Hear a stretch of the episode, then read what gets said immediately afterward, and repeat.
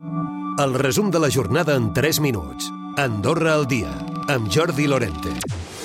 Ja és oficial, Meritxell Cossan substituirà Josep Maria Piqué al capdavant del SAS a partir de setembre. De fet, davant aquest nou repte, Cossan tindrà dos grans objectius. D'una banda, la manca de professionals mèdics. Per això vol estudiar estratègies per captar-los i, sobretot, fidelitzar-los. Una passa per repensar el model del metge per compte propi, molt més popular fa temps. Remarca que des de Salut ja s'està fent una anàlisi sobre això. L'altra prioritat és aconseguir que recullin recollint moltes més dades sanitàries, un aspecte que creu que té molt marge de millora. De fet, substitueix a Josep Maria Piqué. Ara caldrà buscar un president del Col·legi de Metges que substitueixi Cossan. Albert Dorca sona en les travesses. També caldrà veure qui pot ser el nou president del Col·legi de Metges, càrrec que també ocupava Cossan.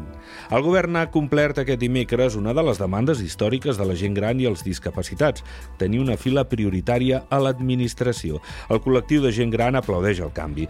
També ho fa el de discapacitats. Els seus presidents són Fèlix Zapatero i Diana Figueres. Estem molt contents perquè pensàvem que això s'acabaria fent pot ser per, per dificultats tècniques al final, al final eh? però que s'acabaria fent a finals d'any o principis de 2024. Que altres institucions eh, pues, prenguin exemple del govern que està fent, en aquest cas ha fet les coses molt bé i eh, agrairíem que fos un model a Andorra hi ha 13.694 persones que tenen una pensió de jubilació i la mitjana del que perceben és de 737 euros. S'ha de tenir en compte que quants més anys cotitzats, més gran és el que perceben i que hi ha molta gent que ha treballat a l'estranger, sobretot a Espanya, Portugal i França, i que tenen pensions complementàries d'aquests estats. I el govern ha avalat 152 milions d'euros en crèdits tous a empreses per ajudar a pal·liar els efectes de la pandèmia. La primera fase va començar el 2020 i la segona el 2021 2021 i ja s'ha donat per acabada. D'aquests fons, 52,6 milions han estat retornats, 96 han estat reconduïts a préstecs i 3,4 pertanyen a la categoria d'impagats. El percentatge de morositat se situa en el 2,25%. I tot és a punt pel que és aquesta prova de la Copa del Món de BTT a la Massana, concretament a Palarinsal. De fet, a la Massana està pràcticament tot exaurit pel que fa a ocupació hotelera. S'espera doncs, uns dies d'alta ocupació.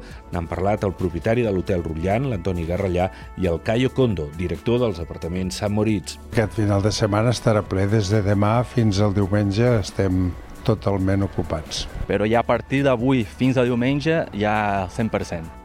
Aquests dies de competició s'espera al voltant de 60.000 espectadors i un retorn econòmic a la Massana de 6 milions d'euros.